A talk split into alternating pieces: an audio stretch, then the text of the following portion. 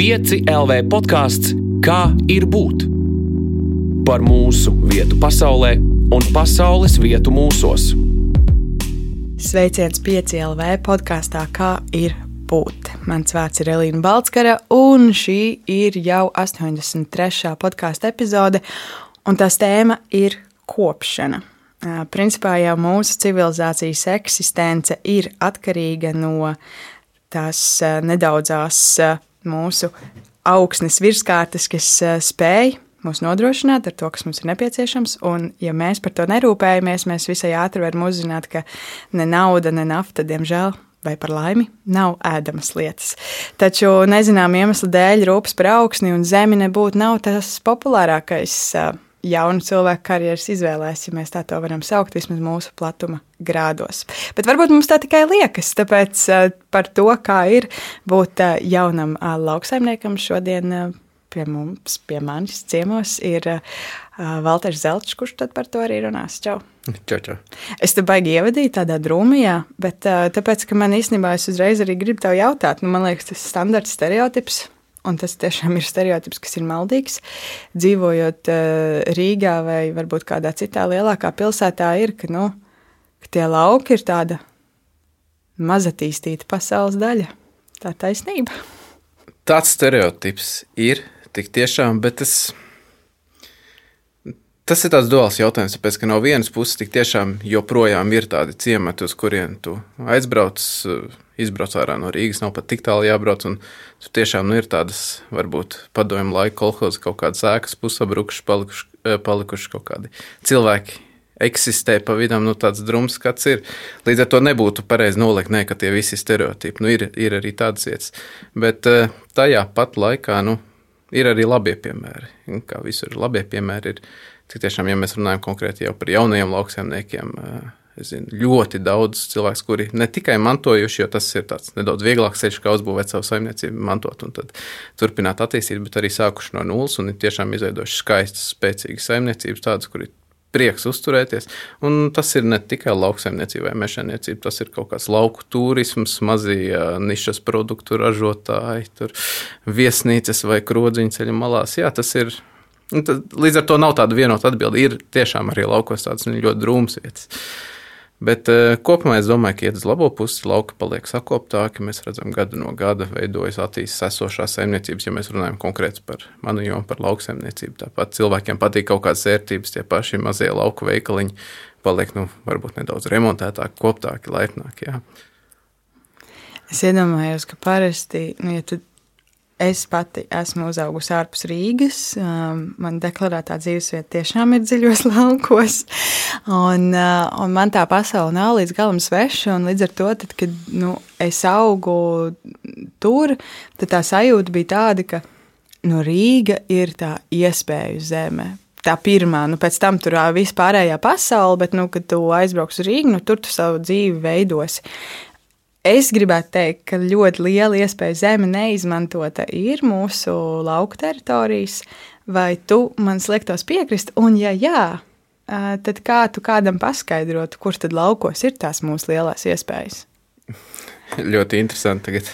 Principā tādam pusrīdziniekam man, jo es nu, faktiski no pirmdienas līdz piekdienai esmu Rīgā, stāstīt, kāda, kāda liela iespēja ir laukos. Bet es teiktu tā, ka Rīga tik tiešām ir iespēju zeme, bet tās ir daudz vienkāršāk izmantojams iespējas. Laukos, teiksim, tā tās iespējas ir tā apjomīgākas, bet pie viņām tikt vai viņas izmantot vai atslēgt kaut kā šīs iespējas ir daudz, daudz sarežģītāk, jo nu, tas loģiskais ceļš vai tāds tradicionālais jau, eh, lauku jauniešu ceļš ir uh, pabeidzot nezinu, pamatskolu vai vidusskolu, ja kāds eh, mācās lauku vidusskolā, tad doties uz Rīgu, iegūt augstāko izglītību, atrast kaut kādu biroju darbu, tad strādāt, nopirkt dzīvokli, dzīvot šeit Rīgā. Un tas ir, to ļoti daudz cilvēku ir izdarījuši, tas sanāk, tas ir pierādīts, tas tā šķiet loģiski ķēde. Bet tad, ja mēs gribam to lielo lauku iespēju izmantot, tur ir jābūt ārkārtīgi lielai uzņēmībai, gribas spēkam un arī jāmāk atrast tās nišas. Nu, piemēram, ja mums riņķī ir uh, trīs lielas saimniecības, un pa vidu visticamāk mēs tur tādu lielu lauksaimniecību neuzsāksim. Mēs varam varbūt kaut kāds, nezinu, zinu, ir piemēri, kur kambučas sāk ražot un tik tiešām atrod to savu nišas tirgu un tur tirgo. Jā, tās iespējas laukos ir. Ir arī kaut kāda iespējas turisma attīstīt, bet tur ir vajadzīga daudz lielāka uzņēmība, kas nu, ne visiem cilvēkiem, arī ne visiem lauciniekiem ir. Tātad es teiktu, iespējas ir abās vietās, bet Rīgā tās tādas vienkāršākas un mazāk varbūt atalgojošas nekā, nekā laukos, un es ar to nedomāju, nu, tīri naudas ziņā, bet arī kaut kādā sevis piepildījuma ziņā. Par piepildījumu vēl parunāsim, bet par naudu man arī interesē. Nauda visiem interesē. nu, es domāju par tevi pašu, nu, ka liekas, ka atbrauks uz Rīgu un pelnīs lielo miljonu. Bet uh, laukos taču arī var nopelnīt lielo miljonu, ne? vai ne? Nu, Laukos var nopelnīt gan vienu miljonu, gan divus. Viss atkarīgs no tā, ko dari. Bet tas arī ir atkarīgs no tā, kā mēra to naudu. Jo, piemēram, es absolūti un nekādā ziņā savu saimniecību neuzskatītu par kaut kādu miljonāru saimniecību. Kaut vai nu, tā arī nav objektīvi ļoti liela, tā arī nav maziņa, aptuveni 250 hektāri. Bet, ja mēs tā strikti ar tādu finansista pieeju pienāktu un uzskaitītu visas zemes, cik viņas ir vērts, vai tas traktors, vai tas, nezinu, garāžas aprīkojums, Visticamāk, ka tur var būt pāri miljonam tā tirgus vērtība arī būt, bet nu, neviens jau tā, tā īsti nemēra. Līdz ar to nu, laukos, protams, jā, var nopelnīt to naudu, bet es nezinu, vai pat šiem galīgi lielajiem lauksaimniekiem konta atlikums ir eh, miljons. Nu, visticamāk, ka nē, līdz ar to tas ir tas stieps jēdziens būt miljonāram. Jā. Nu, visticamāk, ka liela daļa pat visai maza saimniecība teorētiski ir miljoni, miljonāri, kaut arī viņi paši to neapzinās. Un arī tas miljons naudas izteiksmē ir tāda lieta, nu, tev viņa ir, jā, bet tu taču nu, nevari. Tu esi tā audzis ar tiem laukiem, ar savu saimniecību, ka tu nevari tā rīt visu pārdot un ar to savu miljonu, nezinu, braukt uz Maldīvu salām dzīvot. Līdz ar to teorētiski nopelnīt, protams, ka var, jā, bet, bet eh, nu, tas nav tāds, tāds miljons, ko mēs tagad ejam un iztērējam. Bet, ja mēs nerunājam par to finansiālo miljonu, bet uh, par to atalgojumu sajūtu, par to gandarījumu, par to citu miljonu, ko tu tur nopelni. Kas tev, Valter, ir tas, ko tu nopelni sev darot to, ko tu dari? Daudz saka, ir īpaši pilsētnieki, ka uz laukiem jābrauc atpūsties. Tad man ļoti bieži jautājums, kā laukas var atpūsties, aizbraukt, un tur ir tikai, tikai un vienīgi darbs. Bet tajā pat laikā es pats sev pieķeru pie domas, ka katru piekdienu es jau nevaru sagaidīt, nu, kad tā darba diena beigsies, un tad es varēšu braukt uz laukiem, lai darītu ko it kā strādāt. Bet es domāju, tas ir tas pievilkšana pie zemes, būt tuvāk zemē, laukos un ar to savu darbu, kurš ir lielākoties tas nav tāds Nevienmēr, bet tas nav tāds prāta darbs, tas fizisks darbs. Tev ir nezinu, kaut kas jācilā, kaut kas jārok, jākaplē, tur jāremontē tehnika, kas it kā ir tas netīrs un kā kaut kas tāds varētu patikt, bet tā ir tā milzīgā vērtība, ka tu arī saredzi sava darba augļus, rezultātus, kas ir taustāmi. Jo, respektīvi, nu, man arī ir To varētu saukt par piroju darbu. Tātad tu strādā ar kaut kādiem dokumentiem, stratēģijām. Tu divas, trīs, četras nedēļas vari nostrādāt, un tu īsti nesaproti, ko tas izdarīs, jo tev nav tāda taustāma lieta, ko tu vari paņemt rokās, apčamdīt no visām pusēm. Tajā pat uh, laikā laukos, nu, ja tu tās lapas esi nogrābis, tad tu redzi, ka tur tagad ir vēl apakšā tīra zālīta, vai arī, ja, nu, nezinu, tev tā tehnika ir saplīsus, tu viņu paņem, saremontē un redzi, vai arī, ja tu esi to, nezinu, burkānu iesējis, iestādījis, tad tu viņu redzi, viņš ir izaudzis fiziski, te ir mana darba auglis. Līdz ar to tas ir tas lielais, laikam, emocionālais miljons, kas tev tā sazemētu tur, ka, nu, ne tikai tās augstās lietas, tur eh, netaustāmās ir. Ir kaut kas ar pievienoto vērtību, bet arī tas, ko dari ar savām rokām un reāli fiziski redzi to ar darba auglī. Pastāsti, kā tad ir būt uh, lauksaimniekam 21. gadsimtā, pastāstīja par uh, arī savu saimniecību. Kāda ir tā realitāte? Ir Ja es tagad teikšu, ir ļoti sarežģīti, tad uh, visticamāk klausītāji domās, ah, atkal tie lauksaimnieki kaut ko gaužas, kaut kas ir slikti. Ir ļoti daudz arī pozitīvās emocijas. Ir īpaši tad, kad izdodas, tad, kad tev ir tāds labs sējums, padevies, un te viņu ap, esi apsekojis, un viņš ir tiešām pabarots un tāds veselīgs, un tur beigās ir laba raža un ir tāds gandarījums. Pat ne tik ļoti par to naudu, ko tur nopelni, bet par to, ka tev sanāca tā īsti labi un tik tiešām ir. Uh, Tie, tā, tās ir tās darba skaistās puses, vai tad, kad tev visu sezonu nostrādā un tehnika tev nesaplīsa, vai, vai, vai tik tiešām nu, tas, ko es jau minēju, ir padavusies laba raža vai kāds iekops, kāds jauns zemes pleķīts. Uh, bet Es pat nezinu, nevienu gadu, kad tik tiešām viss tā pa diedziņu būtu noritējis. Līdz ar to tas mūsdienu lauksaimnieks ir tāds, kuram ir jāuzņemas vairākas funkcijas, it īpaši, ja tā saimniecība nav milzīgi liela, kur tu vari ņemt darbiniekus un tā tad deleģēt kaut kādas lietas.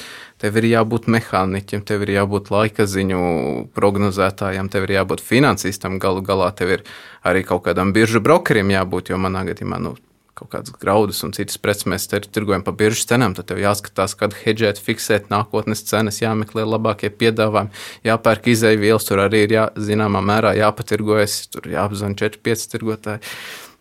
Un, un, un tas ir ārkārtīgi sarežģīts, jo es kopumā domāju, ka cilvēki nevar būt tādi multimākslinieki, ka cilvēks ir labs daudzās lietās. Katram cilvēkam vairāk vai mazāk ir tā sava viena niša, kur mēs esam labi. Bet tad tev ir jābūt tiešām labam agronomam. Ja tev ir dzīvnieki, tev jāzina veterinārās lietas. Tad visi iepirkumi, finanses, tev jāturas pulsi, jā, jāremontē tehnika, tad jābūt kaut cik izglītotam arī šajos tehniskajos jautājumos. Un, protams, arī saimnieciskas lietas. Ja tev laukos pazūd elektrība, kamēr kāds pie tevis atbrauks, jau kaut kāds tas eh, basics, tās vienkāršās lietas ir jāsaprot. Līdz ar to tas nav vienkārši. Tas tiešām paņem daudz laika, un tas var arī kaut kādā brīdī izdedzināt, ka tu it kā tik daudz dari, tik daudz dari, un vēlams atkal kaut kas notiek, un tu nezini, kā to atrisināt. Un pie tevis nevar atbraukt neviens. Un kamēr tu to lietu nesalabos, tikmēr tev darbi neies uz priekšu, un termiņi jau dzen. Līdz ar to, nu, nevar teikt, ka tas ir viegli vai, vai, vai grūti. Vai, viennozīmīgi patīkami vai nu, absolūti nekam nederīgi. Nu, tas ir tāds, tāds sajūtu visu laiku dēļa, kur viena diena tev ir saulaina, otra varbūt nedaudz apmākusies. Līdz ar to tas ir tāds sarežģīts process, bet kopumā es teiktu, ka tā kā es zinu abas monētas puses, kā ir algot darbu strādāt Rīgā, gan arī kā, kā ir būt lauksaimniekam, ir pilnīgi pilnīgi noteikti ir daudz vieglāk, ka tev paredzami ienākumi katru mēnesi aptuveni zini, kas tev nedēļu vai divas priekš jādara. Tu zini, kādas tev grūtības var sagādāt. Līdz ar to es teiktu, ka ir sarežģītāk nekā tāds standarta darbs pilsētā, bet, bet, bet, bet ir arī tie lielie gandarījumi, protams, pretī. Kas priekš tevis ir smags darbs? Es pat teiktu, ka fizisks darbs man laikam ir kaut kā vieglāk tolerējams nekā tāds prāta un emocionāls darbs, jo es to. Respektīvi, man ir tā, man, man saimniecība ir uh, praktiski pilnīga augkopības saimniecība. Mums nav lopu, nu, protams, tur pār, pārdesmit vistiņas laukos, tas jau piederās pie lietas, bet kopumā nav lopkopība, un tas nozīmē, ka tas darbs ir ļoti sezonāls. Tev nav katru, katru rītu, katru vakaru jāiet pie tām savām govīm vai aitām vai kazām vai kas jau tur būtu. Tā tad uh, viss visbiežāk rudenī notiek sēja, un tad pa ziemu ir tāds mierīgais periods. Protams, pavasarī atsākas tur lauku kopšana, tālāk jau ražas novākšana, bet ziema ir tāds mierīgais periods. Un, un, un, un, un atgādini vēlreiz jautājumu. Kas jau, tev ir smags darbs? Kas ir smags darbs, jā, tieši tā. Uh, un uh, šajā te ziemas periodā es lielākoties strādāju ar vairāk stundām, vairāk velto šim te uh, biroja darbam. Un es teiktu, ka tas ir daudz, daudz, daudz izsmeļošāk nekā nu, Sevišķi ziemā, ziemā, kaut kādā decembrī vidū, kad tie lauka darbi ir beigušies, cilvēks saka, Dievs, kā es tagad gribētu, nezinu, palasīt akmeņus vai pabraukt ar traktoru. Vienkārši, jo tas ir tāds gada Augusts man personīgi tāds gada izbaudāmākais laiks, jo tu mēnesi esi faktiski pilnīgi viens savā kombainā, ražas novākšanā. Un tad tev ir, tev, protams, ir jāsako visiem rādītājiem, tur jādomā līdzi, bet tad, kad tu esi ticis tādā lielā laukā un to labību kul, tad tu tā vari relaksēties un beidzot veltīt laiku sev, un tev nav 20 telefonu zvani, katrs ar savām problēmām. Tad tu vari ieslēgt radio, podkāstu, paklausīties. Un tas tāds, tas tāds jā, relaksējošāks. Un arī tā kārtīgi nostrādāties tā fiziski tad, nu, zinām, pilsētā šādi tu visu dienu nosēdi pie datora un vakarā varbūt aizies uz veikalu un panākt nenāk miegs, nevar pagulēt, ir jāceļās. Tā ļoti iztukšots jūties. Nu, bet tad, kad tu laukos aizbrauc un to visu dienu nolas akmeņus vai kaut ko nocēlēt, tev vakarā tik fantastisks miegs ir. Un tev tās visas tās delikātās pilsētas mūsdienu problēmas kaut kur pagaist. Līdz ar to es teiktu, ka smags darbs man drīzāk ir tas pilsētas darbs. Jā tas, tas, tas, kur ir tik tiešām jāiegulda savu prāta resursu un savu tā intelektuālā kapacitāti iekšā. Tu iepazīstināji ar to it kā lauku smago darbu, kā arī tādu savu veidu atpūtu. Un, un es zinu, par kādu atpūtu runā, par to prāta atslēgšanu un, un pilnīgi kaut kādām citām vietu domām pat savā veidā. Mm -hmm. Un, jā, tātad tu ar to iepazīstināji kā ar tādu atpūtu, bet es ticu, ka arī no tā ir jāatpūšas, jo tomēr fiziski ir grūti. Vai tev ir kaut kāda vēl atpūta? Kā tu atpūties? Es teiktu, ka man tā atpūta ir vajadzīga krietni mazāk maniem. Piemēram, es arī Rīgā pabeidzu studijas, kā maniem tā laika kursu biedriem, ar kuriem man ir vēl ļoti labas, draudzīgas attiecības. Mēs šeit pārunājam, viņi saka, nu, Valterā, kad tu atpūties? Un tu strādā visu laiku Rīgā, un tad, kad tev ir tas atvaļinājums, mēnesis vai pusotrs, tad vienkārši sēdi kombinā, un tu negribi kaut kur aizbraukt siltajām zemēm vai, vai, vai, vai tepat pa Latviju pabraukāt, atpūsties.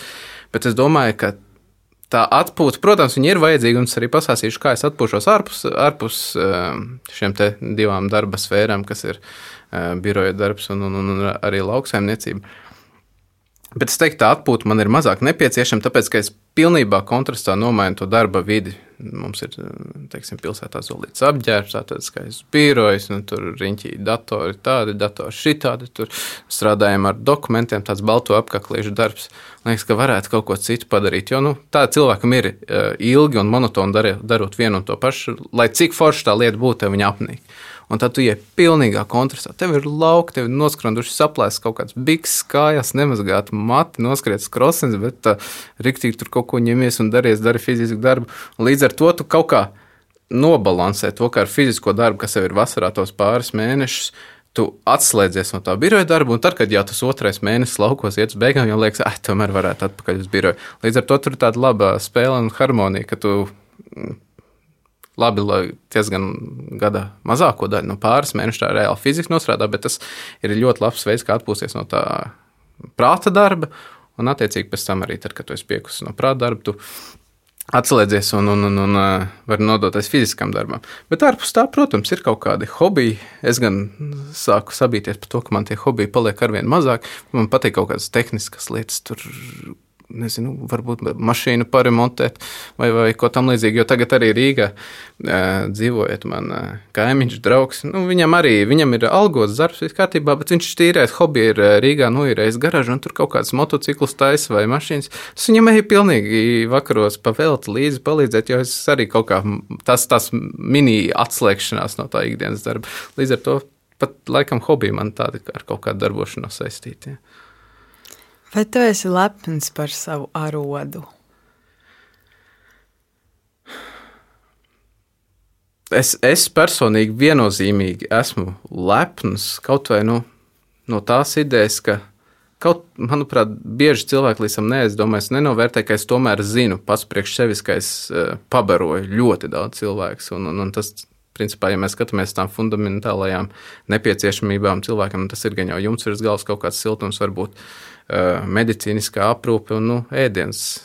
Bez ēdienas šaubos, ka mēs ilgāk par mēnesi, pusotru nodzīvot. Bet tas, kas man nedaudz satrauc, ir kaut vai jāatzīst, ka pēdējā gadā, divos es to redzu mazāk izteikti, ka tomēr cilvēki nedaudz atraujās no tās lauksaimniecības, un bez mazliet tie lauksaimnieki viņiem jau sāk traucēt. Nu, kad aizbrauc uz laukiem, tur kāds ar savu nezinu, mēslu mūcu tur pa ceļu brauc vai kombināts tagad uz 30 km/h. Es taču gribu līdz jūrmalai ātrāk tikt. Kaut kādā ziņā tas nedaudz satrauc, noteikti negribētos nonākt līdz tam, kur, manuprāt, divus vai trīs gadus atpakaļ Francija nonāca, ka atpūtnieki no pilsētām brauca uz laukiem, un tad sāka sūdzēties par gaļu dziesmām vispār, un ka tik tiešām Francijā nācās ierakstīt likumā, ka traktora rūkšana vai e, gaļa dziedāšana no rīta, ka tās lauka skaņas un pret to pretenzijas nevar būt. Līdz ar to nedaudz bailes par tādu atrautību ir. Jā, tas ir tik tiešām patiesa notikums. Tas šobrīd ir Francijā ierakstīts normatīvajos aktos. Uh, ir bažas par to, ka cilvēki varbūt aizvien, sabiedrība kopumā aizvien mazāk novērtē to tavu darbu, bet pats priekš sevis jūtos lepns, protams. Jā. Vai tu to saisti ar to, ka cilvēks, eh, nu, tāds rītīgs pilsētnieks, kas uh, ir audzis un dzīvojis vienmēr ar to, ka pārtikas iegūs vieta ir lielveikals, mm -hmm. vienkārši ir tik ļoti atrauts no tā, kā tas nonāk tajā lielveikalā, ka tāpēc cilvēks nespēja pateikt paldies tam cilvēkam, kurš sēž tajā naktī arī kombainā un, un vāc to ražu. Tieši tā, tieši tā, tas ir ne tikai tā filozofiski, mēs varam domāties pat, eh, mēs esam veikuši sabiedrības aptauju un izpētījuši, teiksim tā, uh, cilvēku noskaņojumu pret lauksaimniecību. Skaidrs, laucinieki ir visai pozitīvi. Tie, kuri ir dzīvojuši laukos vai periodiski ir laukos, mazāk pozitīvi, bet arī pozitīvi. Bet tas, kur ir tas lielākais negatīvisms, kaut vai jāsaka, kopumā tāpat visi skatās pozitīvi uz šo nozari. Bet tā lielākā skepse ir tajā, kuri ir totāli pilsētnieki, laukos radini nav, laukos nav dzīvojuši. Tātad nu, tie, kuriem jā, pārtika nāk no veikala. Līdz ar to tas ir precīzi tā, jā, kā noraksturoja. Mm, tu stāsti par to, kā pilsētnieks nu, tolerē laucinieku, ja tā varētu teikt, bet kā tu tolerē pilsētnieku? Ir lietas, ko es, ko es līdz galam nevaru saprast. Kaut gan es esmu ļoti tāds, teiksim, atvērts dažādām idejām un netradicionālām domām, eh, bet ir lietas, ko es tāpat nesaprotu. Es nesaprotu, kā var pavadīt, piemēram, sestdienu vai svētdienu iepirkšanās centrā aizbraucam, nezinu, uz, es nezinu, vai es drīkstu minēt konkrēts iepirkšanās centrus, bet uz iepirkšanās centru A aizbraucam, ja, un tur tagad ejam, aizējām no rīta uz kino, un tad nopirkt jaunas kurpes. Es nesaprotu, jēga, vai tev tiešām nav kurpes. Labi, kino es vēl saprastu, tas, nu, tur tomēr kaut kāds baudījums, jā, tā pati filma, ko tu internetā var noskrīties, bet tur tomēr cits skaņas sistēma, un tu speciālists uz to atnāc. Tagad staigāt pa veikaliem, vienkārši tērēt naudu, un tas pat nav jautājums par to naudu, nu, vienkārši priekš kam tas ir vajadzīgs. Vai arī kaut kādas jau tādas Manuprāt, vakar vai aizvakar bija saruna arī par tādām modernām lietām, kurās es laikam, es nezinu, kā lauksaimnieks vai, vai laucinieks nevar tomēr līdz galam iebraukt. Eh, divi paziņas aizraujas arī ar, ar datorspēlēm, un tad vienā datorspēlē, kur laikam šaudīšanās vai karš ir, un tad viņi saka, ieročiem kaut kādas nu, citas ādiņas, skini esot, nu, ka tev tas ierocis izskatās citādāk. Un viņi maksā 100 eiro, 300, 500. Un tad es viņiem prasu, es nevaru līdz galam saprast, nu, kas ir šīs smalkās lietas, tās tādas ļoti pilsētnieces izklausās, jo man kā lauciniekam nav saprotams. Tu maksā tagad 500 eiro reāli naudu, ko tu strādā un nopelni, lai tev video spēlē kaut kur virtuālā, kaut kāds, nezinu, citādāk izskatītos ierocis. Ja. Tas, protams, tas ļoti triviāls, primitīvs piemērs, bet ir lietas, ko es nedaudz nesaprotu jā, no tās pilsētas dzīves. Cik, man liekas, forši tā paspoguļoties vienam otrā un ieraudzīt dažādību. Jautājums par to saimniekošanu. Tu esi saimnieks laukā, bet vai tu jūties kā saimnieks arī savā dzīvē? O jā, o jā, pavisam noteikti. Tas ir gan Man parasti patīk pie tādiem filozofiskiem jautājumiem, tās kārtīgas desmit minūtes padomāt, ja, bet eh, īsa atbilde būtu jā, man ir jādomā tagad, kā to nopamatot. Visticamāk, tāpēc, ka tā arī iepriekšējā visa pieredze, kas man ir bijusi, tur ir visai loģiski un racionāli izskaidrojami. Respektīvi, ja es esmu pieņēmis lēmumu iet studēt tur un tur, tad attiecīgi man tā izglītība, un es pēc tam arī pieņemu lēmumu, kur strādāt. Līdz ar to, ja skatos visus kaut kādus, nu, tos varbūt nevar vēl saukt par sasniegumiem, bet visas šīs lietas, ko es dzīvē daru, tās ir bijušas loģiskas. Uh, manu lēmumu sekas, līdz ar to es neredzu tur kaut kādu citu ietekmi. Nu, protams, jā, ja es kaut ko izlēmu, es tā arī rīkojos, un tā tas bija mans lēmums, un es esmu savs saimnieks. Jā. Kā tev liekas, ar ko atšķiras saimnieks eh, laukā no saimnieka dzīvē? Aha, tas teorētiski atšķiras maz, bet ir viena fundamentāli svarīga lieta, ka, protams, arī dzīvi mums var ietekmēt dažādi ārējie apstākļi, bet man tomēr liekas, ka tie ir paredzamāki. Protams, mēs nevaram paredzēt kaut kādas uh, kataklizmas, katastrofas vai tuvu cilvēku zaudējumu vai kaut ko tamlīdzīgu. Tas viss, protams, ļoti traģiski, bet uh, lauksaimniecībā tas ir daudz biežāk un sezonālāk. Nu, tu katru pavasari jau gaidi ar tādām, vai katru ziemu tu gaidi, nu, vai tik nebūs tā, ka sāks salt un bez sniega, un tad ir kailsels, vai tur pavasarī nebūs pārāk sauss, vai rudenī pārāk mitrs. Respektīvi, tu it kā esi tas saimnieks, jā, tu visu dari pēc labākās sirdsapziņas, bet ir tik nenormāli daudz ārējie faktori, kas to visu tavu labo gribu, labo darbu var vienā dienā nopasīt. Protams, arī personīgajā dzīvē tā ir, kā jau minēju, dažādas katastrofas, neparedzamas lietas, bet, bet es teiktu, tas ir varbūt personīgajā dzīvē. Tās lietas ir smagākas, jo tev uzreiz nav jau pēc sešiem mēnešiem jau jauns gads, kurš sāc no jauna, bet tās notiek mazāk. Līdz ar to tev ir uh, vairāk laika to sagramot, ar to tik galā. Un kā tev kā tu raksturotu labu savas dzīves saimnieku?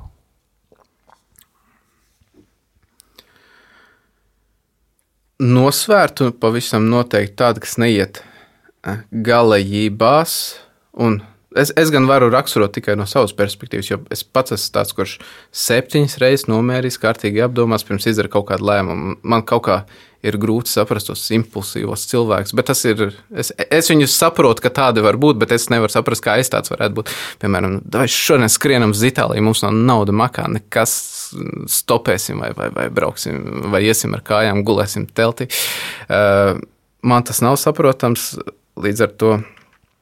Uh, Nu, līdz ar to jā, tas ir tas savs dzīves labs saimnieks, ļoti šis te termins atšķirsies. Bet man liekas, tā ir tāda nosvērtība, pragmatisms ar skatu nākotnē, respektīvi, ka tu katru lēmumu, ko tu pieņem šodien, uh, paskaties, kā tu jutīsies pēc gadiem, diviem, trim vai četriem par šo lēmumu. Ir ļoti viegli dzīvot impulsīvi un šodienai, vai ne? Bet ilgākā termiņā tas var pie kaut kādām, teiksim, tā novest situācijā, ar kuru tu varbūt neesi līdz galam priecīgs. Tu iepriekš minēji, ka mēs nevaram paredzēt kaut kādas katastrofas un tam līdzīgi savā dzīvē, bet, eh, diemžēl, mēs dzīvojam pasaulē, kur um, dažādas um, klimata katastrofas un ekstremāli notikumi notiek aizvien biežāk. Es domāju, ka cilvēki, kas strādā um, ar tiem dabas apstākļiem, kas mums ir, var īpaši izjust kaut kādas uh, anomālijas uh, un citas uh, notikumus. Uh, Kā tu komentētu no savas perspektīvas, um, cik ļoti lauksaimniecība stimulē klimata krīzi? Jo nu, skaidrs, ko parāda pētījumi mm. un ir fakti, bet tev tādā nu, filozofiskā un domas līmenī, cik ļoti ir jāuzņemas atbildībā lauksaimniekiem par to, Es teiktu, ka lauks, nu, tur, tur nav ko liekties. Lauksaimniecība pavisam noteikti ir liels eh, šo emisiju radītājs. Gan augsnes organiskās, ka tās tiek uzsinātas, sadalās organiskā viela, un līdz ar to šis ogleklis atbrīvojas no augsnes. Lopkopībā arī, protams, arī tur ir saga emisijas, metāna un visādas citādas gāzes, un tas klimatam nekādā ziņā nav labi. Uh, Lielā problēma ir, ko mēs varam darīt. Mēs varam pāriet uz ilgspējīgākām metodēm. Teiksim, ja mums no augsnes nāk emisijas, manuprāt, Latvijā tie bija 30-40% no lauksaimniecības emisijām. Šīs klimata gāzes nāk tieši no augsnes apstrādes. Mēs, protams, varam ieviest kaut kādas saudzīgākas metodas. Respektīvi, mēs laukus vairs nearam, latviešu vairs nav varāja tauta, tad mēs uh, ņemam kaut kādas tiešās ejas emašīnas vai, vai, vai bez, bezapstrādes emašīnas. Jā, Tāda, respektīvi, mēs lauku nevis uzvaram, bet turpat tajā rugainē, kas ir, neko nekustinām, ieliekam to sēkliņu un viņa aug. Tāpat arī lopkopībā mēs varam varbūt tos kūtsmēslus nevis vienkārši. Es, es nezinu, cik, cik detalizēti man stāstīt klausītājiem, bet nevis vienkārši izliet uz lauka, bet eh, viņus rūpīgi iestrādāt zemē, un, un, un varbūt pēc tam vēlreiz to lauku apstrādāt. Nu, lai, respektīvi, ja mēs vienkārši uzlējam lauku kūtsmēs, un ja vēl uzšļācam, tad tur ir daudz emisijas. Ja mēs viņus iestrādājam pa taisnu augsnē, augsne tomēr tos kūtsmēs absorbē, šīs emisijas ir mazāk. Mēs varam pāriet uz ilgspējīgākām metodēm, un to lauksaimnieki arī dara. Tur gan ir jājūt šī plānā līnija, kad pārēja uz ilgspējīgāku sāk krietni būtiski ietekmēt to produktivitāti. Jo, lai kā mums nepatiktos, mums to produktivitāti arī vajag, lai mēs visi varētu paēst. Bet otrs jautājums no tevis bija, vai lauksaimnieki jūtas par to atbildīgi. Es teiktu, ka es jūtu savu individuālo atbildību pret to, ka es, respektīvi, pret to, vai es pārēju vai nepārēju uz kaut kādām saudzīgākām metodēm, kas pieejamas. Ja es redzu, ka ir metode, ar kuru es varu, nezinu, kaut vai pa 2% mazināt savas kaut kādas emisijas, es uz viņu varu pāriet, bet viena vai otra iemesla dēļ nepārēju. Es par to jūtos vainīgs. Bet vai es jūtos vainīgs par to, ka man ir jāražo šī pārtika, jo nu, mēs nevaram saražot pārtiku, neradot kaut kādas emisijas? Es teiktu, nu, ka līdz galam nē, jo, nu, ja es to nedarīšu, to darīs kāds cits, jo cilvēkiem ēst vajadzēs. Līdz ar to tas ir jā, no vienas puses jūtu savu atbildību par to, ka jāražo, jāražo ilgspējīgāk, bet es netik ļoti jūtu savu individuālo atbildību par to, ka cilvēkiem vajag ēst. Tā varētu noformulēt. Jā, šis jautājums laikam ir diezgan komplicēts un no visādām pusēm apskatāms. Mm, bet kā tu nu, komentē to iespēju audzēt katram pašam kaut ko, vai pāriet uz kādu bioloģisku lauksaimniecību? Un, jā, varbūt tu spēj sniegt par to kaut kādu komentāru, tāpēc ka nu, daudziem liekas, ka mēs varam ieiet tādās kaut kādās nu, jā, utopiskās idejās, tā tās laikam ir arī jāsauc. Še, šeit gan no tevis teiktā, es gribētu nošķirt divas lietas - to audzēšanu pašpatēriņam un bioloģisko lauksaimniecību. Jo ar bioloģisko lauksaimniecību viss ir ok. Ir tīpaši, ja tā ir uz tirgu bāzēta, respektīvi, ka mēs tiešām ražojam un pārdodam ar nu, dārgāku cenu loģiski, jo tur tās ražības mazākas, un ja mums ir kas pērk, kas ir ļoti svarīgi. Tātad, ja mums ir šis te tirgus, viss kārtībā, ideāli attīstam to, tā ir niša, ko var darīt. Tur gan ir jāizpildās tiem nosacījumiem, ka mums ir jāražo un pretī jābūt patērētājiem, jo kāda jēga saražot augstvērtīgu produktu, ja nav kas viņu nopērk un mēs viņu nezinu, pārdodam eh, kā to pašu konvencionālo. Bet tas ir ok. Es tomēr neticu, ka cilvēki atteiksies no daļā, daļas savām vērtībām un sāks ražot pašpatēriņu. Mēs varam pilsētā arī Rīgā uz palodzes augu arbūs, mēs varam, nezinu, lociņus vai tomātus izaudzēt, nu cik mēs varam, nu kilogramu tomātu, divus, trīs lociņus, nu cik vienai nedēļai. Jo Tas noteikti nebūs iespējams pilsētā. Nu, tad mums ir jāiet kaut, kā, ja kaut kāda jauna rada jātaisa un kaut kāda kolektīvie dārzi jātaisa vēl neapbūvētajās teritorijās. Bet jāatcerās arī, ka galu beigās tas tam pašam cilvēkam šķietami ir lētāk ielēt sēklu un tev izaug. Bet iedomājies, ja nu, tu dzīvo Rīgas centrā un tagad, kur tuvākais dārsts, kaut kur pieņemsim skansē, tev, tur pat ir, tev tāpat tev tur būs jāiet 20 reizes, tev tur būs jāravē, jāmēslo, un tur jāapčubina tie augi, un kad tu sarēķinās tās savas darba stundas, ko tu esi ieguldījis, ko tu citkārt varbūt varētu ilgāk pastrādāt savā profesionālajā darbā, cik tev tas mēslojums beigās izmaksās, cik tu tur, tev tie visi kapļi, un tas kaut kur ir jāglabā. Jā, un cik, nu, gandarījums tā ir cita lieta, jā, jā. tas ir tās nenovērtējums, jā, bet uh, Bet es šaubos, ka tas būs lētāk, un es šaubos, ka lielākā daļa cilvēku ir gatava kaut kam tādam. Es domāju, būs šie entuziasti, kuri jā, attīstīs kaut kādu savu ražošanu, varbūt pat pārcelsies no pilsētas laukiem un būs tādi pašpietiekamāki, jo pilnīgi loģiski visu tu nesaražos sev.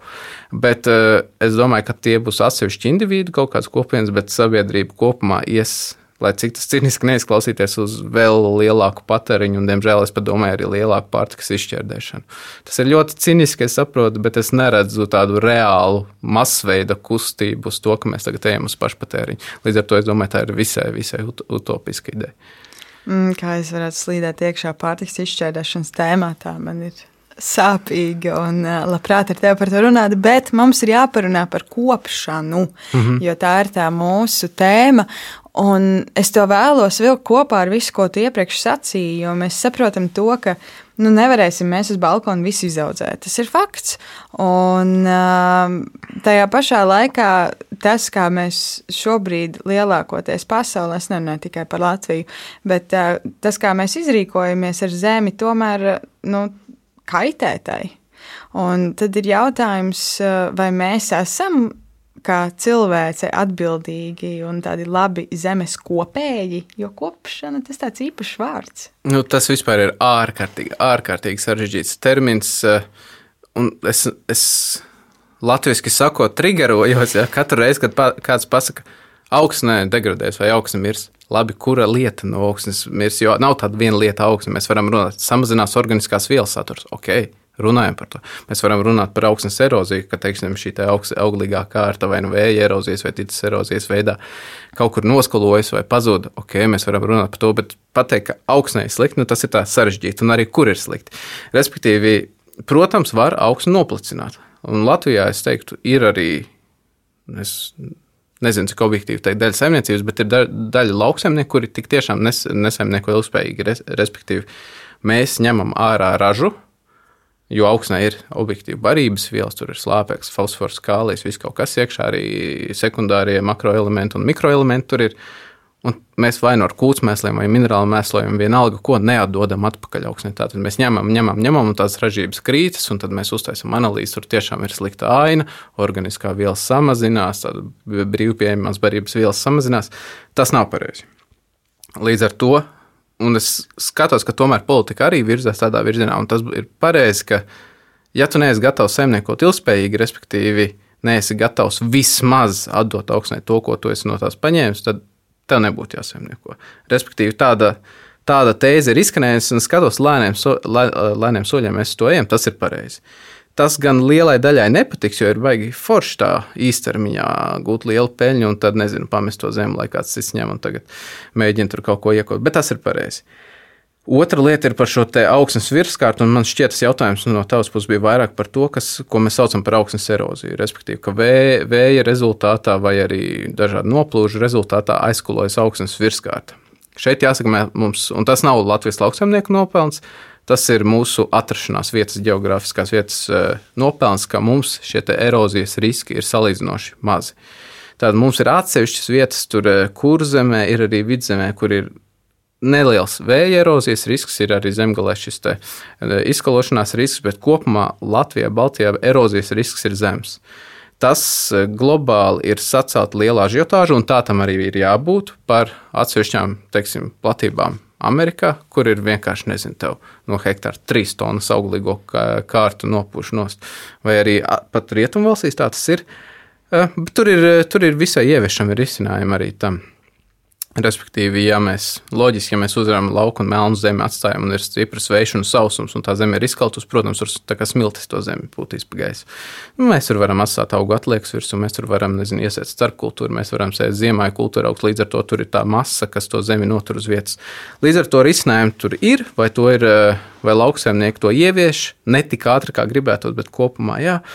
Bet tas raugoties no lauka saimnieka perspektīvas, ir īpaši, ja tu neesi kaut kāds nezinu, ārzemju investors, kurš ienāk ātri nopērk zemi, kaut ko nopelna, pēc tam pārdod ar, eh, jo tirgu ir pieaugusi vērtība. Es teiktu, ka katra lauksaimnieka paša interesēs ir pēc iespējas vairāk kopt to savu zemīti un celt tās auglību. Jo mēs nesaimniekojam vienai dienai. Man nav šobrīd tāds plāns, ka es vēl trīs gadus kaut ko padarīšu, un tad pēc 20 vispār, nu, lai, lai tur kāds muļķis ņem un ņemās ar to izsukšo to zemi. Nē, mēs strādājam uz to, lai tā peļņa mums un, un, un gandarījums no zemes apstrādes būtu kā šodien, tā pēc pieciem gadiem un pēc desmit gadiem. Un pat vēl labāk, lai tā zeme būtu auglīgāka un mēs varētu gūt lielākas ražas. Un tas ir faktiski arī tas, ko mēs, es, piemēram, redzu savā saimniecībā. Ir tāda lieta kā augsnes agroķīmiskā izpēta, kur mēs nosakām augsnes tipu, granulometrisko sastāvu, organisko vielu, barības vielas un tā tālāk. Mēs skatāmies, desmit gadus mēs tādas veicam, un tik tiešām ļoti lēnām bet šī auglības rādītāja, agroķīmiskie rādītāji augsnē kāpj, respektīvi viņi ir tādi čaugunāki, gaisīgāki arī ar aci var redzēt, ka tu, tur ir iekšā organiskā viela, kas ir gan ar augu atliekam, gan zaļmēslojumiem iestrādāta. Un arī to mēs redzam ražībās. Nu, jā, gadus desmit atpakaļ tāda kviešu ražība, 3-4 tonnas jau bija labi. Nu, tagad pie 3-4 tonnām mēs badojamies. Ļoti slikts gads bijis. Jā. Līdz ar to es teiktu, ka tā situācija kopumā tomēr uzlabojas, bet uh, Ir, protams, pasaulē šis lielais erozijas risks augsne paliek mazāk. Jāsaka, ļoti labi, ka Latvijā šis risks ir salīdzinoši neliels, bet tas nav mūsu lauksaimnieku nopelns, tas ir mūsu vietas nopelns. Un globāli šie riski ir lieli un viņi jārisina. Jā. jā, tas mans jautājums laikam bija par to visu kopā, nu par to angļuiski gribas teikt mindsetu, bet mm. latviski mm. par to domu gāju un kādu mēs vispār esam ar kādu mēs saimniekojam. Un tas, ko es guvu no tavas atbildes, ka tā labā kopšana ir ilgspējīgā kopšana. Nu, tā varētu būt. Tieši tā tā doma, nevis ka es būšu pirmais un vienīgais, kas šeit saimniekos, bet domāt paudzēs, nu, tāpat kā mans vecstāvs domāja, ka saimniekos mans tēvs, un mans tēvs tagad domā, ka saimniekošu es. Tāpat mums jādomā paudzēm uz priekšu. Nu, var jau, protams, gadīties, ka nezinu, mani bērni vai mazbērni pasakā, man šito nevajag, un es nesaimniekošu, bet attiecīgi kāds izpārņems, un tā zeme būs labā auklī. Mums ir jādomā uz priekšu, jo tie cilvēki, cik es saprotu, vismaz līdz 2102. gadam, manuprāt, paliks vairāk. Un, nu, mums viņi būs jāpabaro un mums vajadzēs to veselīgu augsni. Līdz ar to mums jādomā, jā, tā filozofija jābūt vērstai uz priekšu, nevis uz šodienas kaut kādu peļņas maksimizāciju. Tu man diezgan tehniski un precīzi sāki stāstīt par dažādām problēmām un risinājumiem, un termiņš šāds un, un, un citāds. Kas ir šī, nu, kas tev ir lauksaimniecība? Tā vairāk ir teorija, ko tu paņem un iemācies, tā ir prakse, ko tu nu, no paudzes paudzē nodod tev kāds iemācīja, cik daudz tas ir abi kopā, vai es varu izlasīt grāmatu un, un kļūt par uh, lauksaimnieku? Respektīvi, es teiktu tā, jo vairāk tu akadēmiskas lietas par to mācies, jo mazāk mistisks un filozofisks tas process paliek. Un tas ir, nezinu, varam salīdzināt, ka tur 3000, um, 4000 gadus atpakaļ varbūt Es varbūt tagad kādu nep neprecīzu vēstures notikumu nosaukšu, bet, piemēram, ja dārdā ārā pērkons un bija zibens, nu, tad varbūt skaidroja, ka tur dievi dusmojas vai kas. Nu, es domāju, šodienas fiziķi ļoti labi var izskaidrot, kādas tur daļiņas, kā ir lādētas, kas sadurās, un tad ir šī zibens izlāde. Līdzīgi ar lauksaimniecību, ja tā ieeja no balts lapas, tev ir viss tāds mistisks, tu kaut ko iesēji, tur izauga, tur nē, un, un, un tad varbūt kas ir tas iemesls, tur mēnesis fāze. Un jo vairāk tu tiešām mācies to fundamentālās zinātnes, tu saproti, ah, nu, skaidrs skaidrs, un tur taču tev ir cits granulomeriskais sastāvs, tāpēc tev tur neizaug, vai tev tur ir uh, augsnes reakcija pārāk zema, tāds pārāk skāba augsne.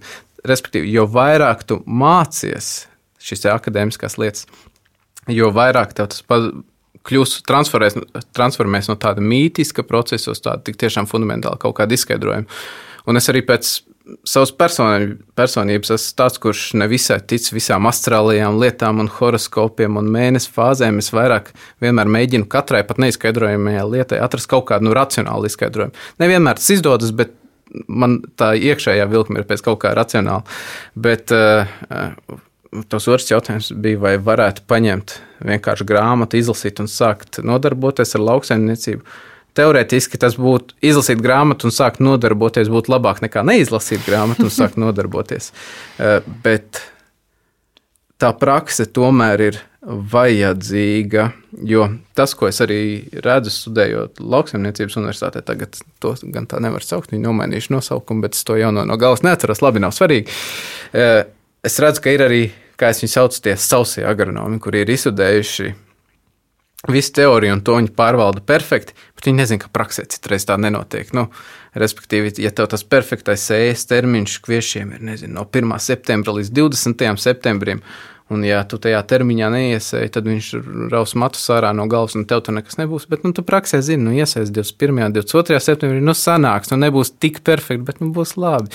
Un arī tās dažādas tās ikdienas grūtības, ar ko jārēķinās, jo mēs varam pateikt, tev jāiesiet tajā datumā, nu, nezinu, nu, liela lietus, no saplīst traktors, nu, neiesēji. Nu. Līdz ar to praksa ir vajadzīga, bet pavisam noteikti, un tas, ko es uzsveru, Un kas ir liela problēma Latvijā, ir jābūt milzīgai arī šai te, nu, tiešām fundamentālajai akadēmiskajām zināšanām lauksaimniekiem. Un man liekas, tas tiešām šobrīd trūkst, jo pat nu, parunājot ar visai pat šķietam sekmīgiem saimniekiem, tu saproti, ka viņš tā vairāk ar to saimniecību ņems ar kaut ko mītisku, un tagad es domāju, es pamēģināšu tā un šitā. Nu, Kaut kas sanāk, protams, un ja tu dari, tad agrāk vai vēlāk tev sanāks, un kaut kādas likumsakarības ir sak saskatījis. Jo, ja ilgi skatās, arī ko galotnēs to var saskatīt.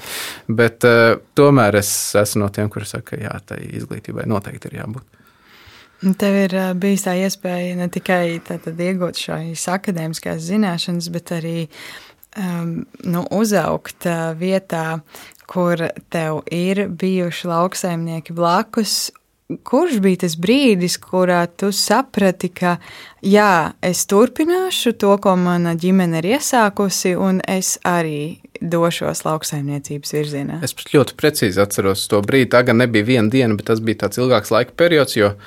Faktiski līdz kaut kādiem 11 gadiem, nezinu, 14, 15. Es darīju kaut kādus lauku darbus, eh, jau konkrēti lauksaimniecībā, nezinu, es varēju uzvart lauku un, un, un nošūt lauku, sēt gan es tad vēl nesēju. Uh, Bet kaut kā galīgi man neķēra. Man jau bija skaidra doma, ka es eh, vidusskola būs Dobels valsts gimnāzija, tā kā viss tuvāk, un pēc tam uz Rīgu izmācīšos, un, un, un vai nu uz ārzemēm, vai tepat Latvijā kaut kur strādāšu. Bet tas brīdis, laikam, kad es kaut kā tie pirmie iedīgi sāka rasties par to, ka mana vieta būs lauksaimniecībā, bija, man bija 15 gadi, manuprāt, nu, saimniecība kaut kā attīstās tā lēnām, prātīgi, bet bija pilnīgi jauns kombinācijas nopirks. Nu, tas ir kaut kāda milzīga ekstrieta nestāties priekšā, nu, kad pilnīgi jaunu nopirkt, dārgs un smalks un foršs. Un mums tam bija tāds ļoti vecs kombinērs, kuram īsti negribējās uzticēt to, to mašīnu, jo viņi tur simtus tūkstošus maksā, nu, mazums kaut ko saspiedīs, kaut ko saplēsīs, bet arī tos darbiniekus, tos kombinierus nevar atrast.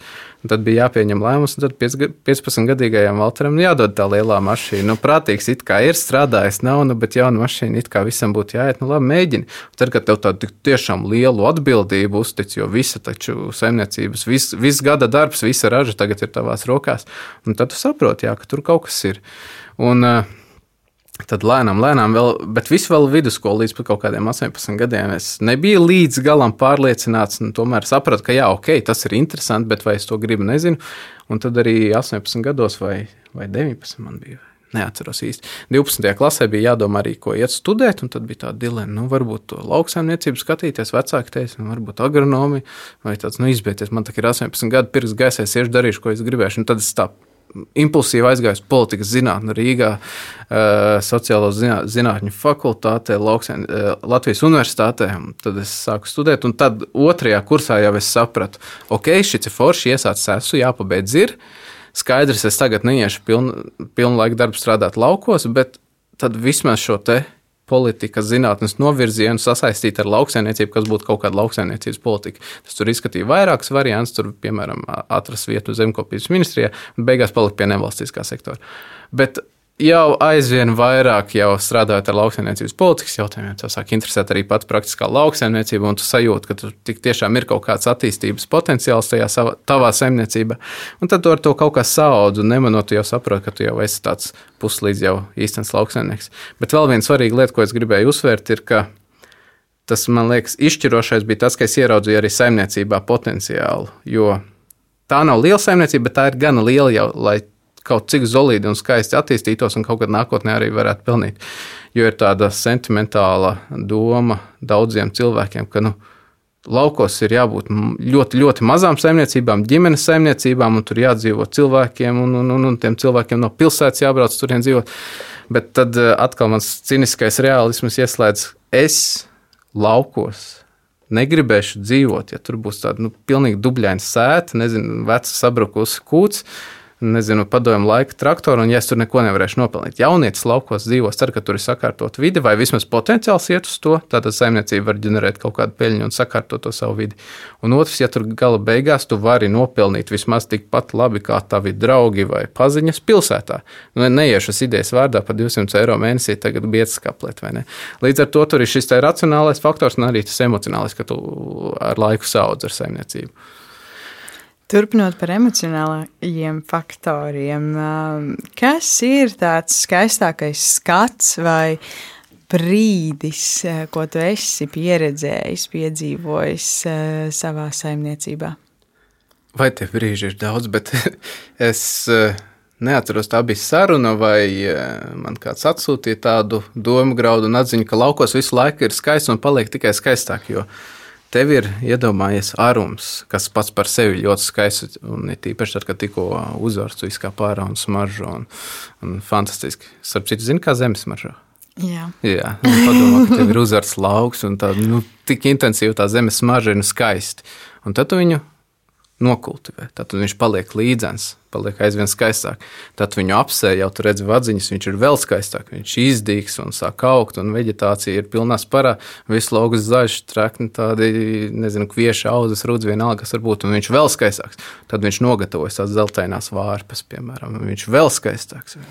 Un tad tu viņu nokuli Un tur paliek tāda rugāja. Tātad darbs ir izdarīts, bet ir tik skaists, nokults, tīrs lauks. Tad viņu atkal uzvar, un viņš atkal paliek skaistāks. Līdz ar to tas tāds ritenis, kur visu laiku paliek skaistāks. Līdz ar to tādu vienu, vienu lietu ir grūti izcelt, bet nu, ir tādas mazas uzvaras arī. Nu, lai cik tas tā materiālistiski neizklausītos, ar ka tu nopērsi.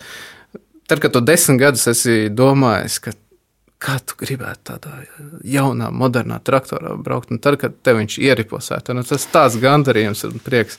Vai arī tad, kad tu ir tīpaši tas grūtākās sezonās, jāsaka, pēdējās divas sezonas ražas novākšanā ir bijušas visai vienkārši, bet es atceros, bija, manuprāt, 17. gads.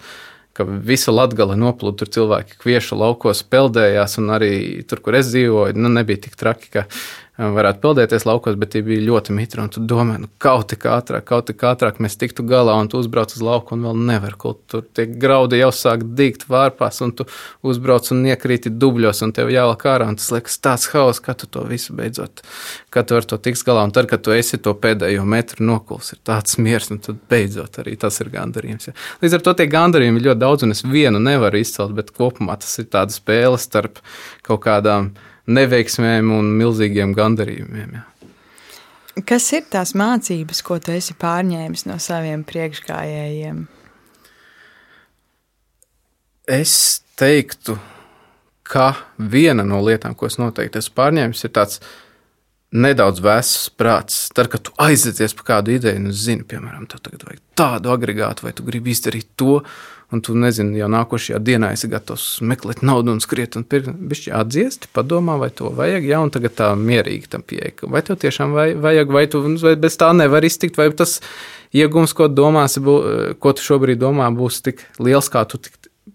Vai viņš reāli būs tik liels, kā tu esi iedomājies, un, un, un tāda kaut kāda nosvērtība pavisam noteikti, bet uh, arī tā darba ētika, ka tu nevari darbu nedarīt, ja tev viņa negribas darīt, ja tev viņš nepatīk. Pat ja tev tas darbs nepatīk, tev ar sakostiem zobiem viņš līdz galam jāizdara.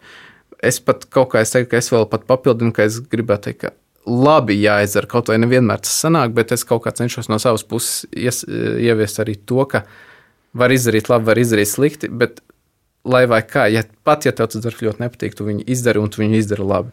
Līdz ar to tās ir tās lietas. Bet es arī redzu, ka ar katru nākošo paudzi mums kaut kas tiek papildināts. Respektīvi, nu, ja vecāks bija tāds ļoti tāds konservatīvs un 40 hektāru lielāka saimniecība nedrīkst būt, jo tad jau viens cilvēks netiek galā un jāņem vecā tehnika, jo ar to var remontēties. Tad tēvs skatās nedaudz paplašinājās, cik nu bija tās iespējas. Un, un, un, un ok, tehnika kādu vajag, jā, bet nu, labāk jau tādu pišķi modernāku. Nu, tad es esmu vēl tā atvērtāk, nu, tad skatāmies vispār kaut, kā, kaut kādā jaunā virzienā un droši nebaidamies, investējam tur un darām to.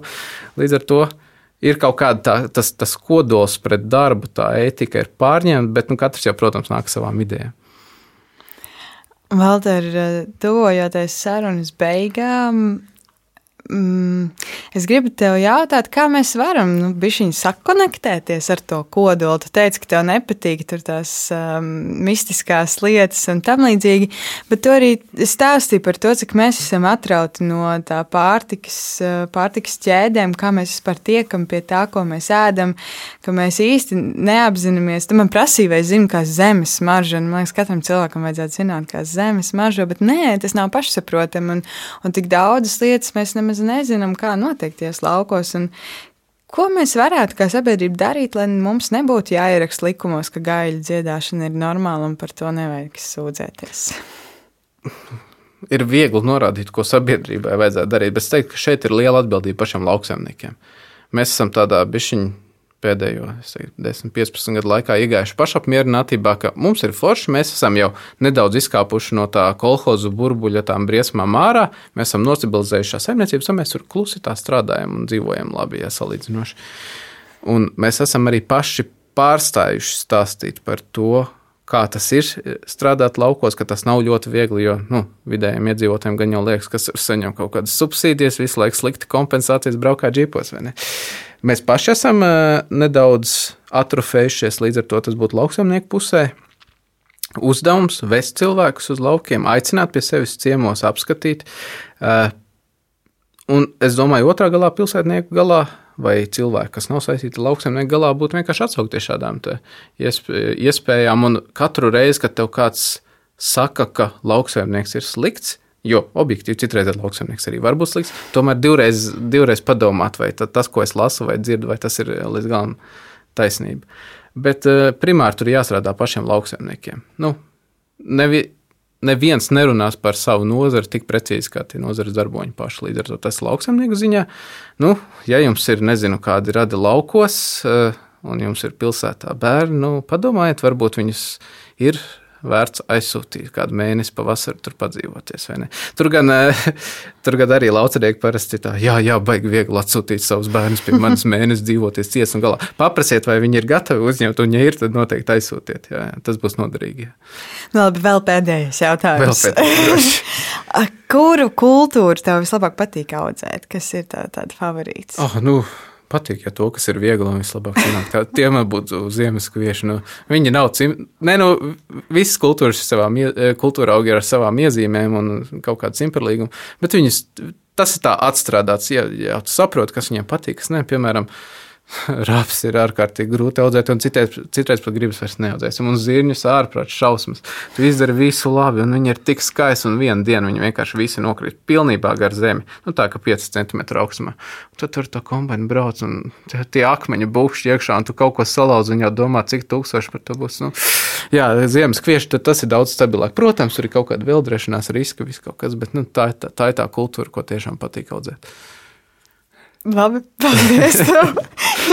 Man patīk, cik patīk klausīties, cik konkrēti un, un dažādi mēs redzam kaut ko.